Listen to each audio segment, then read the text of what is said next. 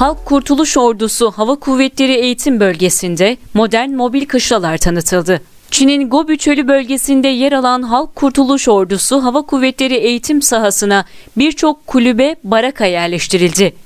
Bu yapıların Halk Kurtuluş Ordusu Hava Kuvvetleri operasyonlarının zorlu hava ve arazi şartları içerisinde dahi başarıyla icra edilmesine yönelik geliştirilen ilk mobil kışlalar olduğu ifade edildi. China Military sitesinde yer alan haberde çeşitli fonksiyonel gereksinimlere yönelik olarak bu yapıların farklı şekillerde üretebileceği ve kullanılabileceği, bunlar arasında kutu tipi, prefabrik ile konteyner tipi evlerin yer aldığı aktarıldı. Sistemin en büyük kazançlarından biri zaman ve personele duyulan ihtiyacın az olması görülüyor. Geleneksel saha destek yapılarına kıyasla modern mobil kışlaların zaman ve para tasarrufu sağlaması yanında birimlerin daha bütünsel bir yapı oluşturmalarına ve böylece daha kolay sevk edilmelerini sağladığı, aynı zamanda kışlaların tasarımının komuta ve iletişim, yaşam ve konut kullanımı, tıbbi destek gibi işlevlerin yerine getirilmesine olanak sağladığı ifade ediliyor. Haberin devamında